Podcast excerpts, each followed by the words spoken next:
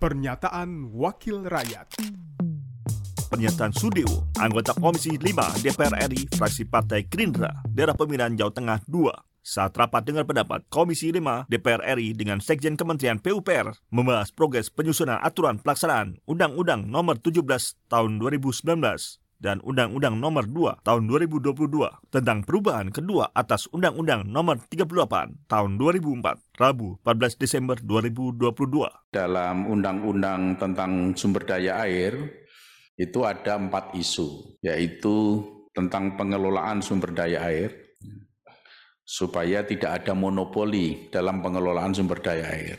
Pelaksanaannya sampai sekarang ini itu ada monopoli, tidak ada keadilan. Padahal ini sumber daya air merupakan berkah, barokah, dan anugerah yang diberikan oleh Tuhan Maha Kuasa kepada Indonesia, kepada Indonesia bukan kepada orang per orang yang sekarang ini mengelola.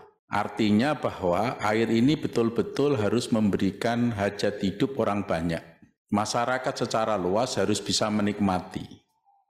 Soal siapa yang mengelola memang diberikan kepada pihak yang mempunyai kapasitas.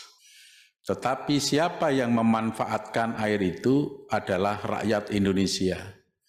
Tapi rakyat Indonesia sungguh tidak bisa menikmati ya, tanpa ada rasa keadilan itu yang terjadi.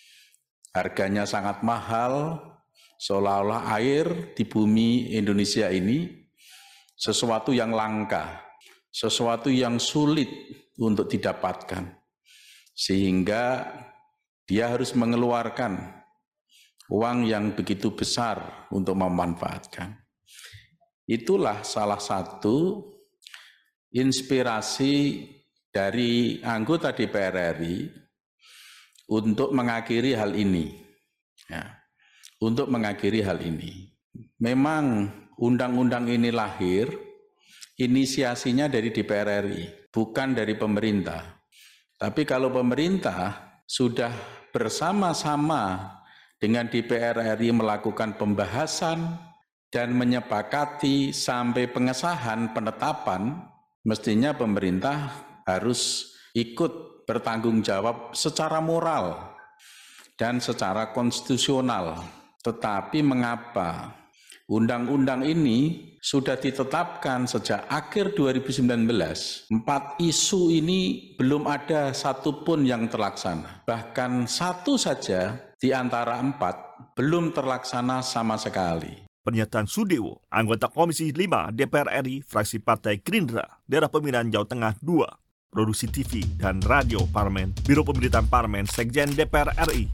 Pernyataan Wakil Rakyat.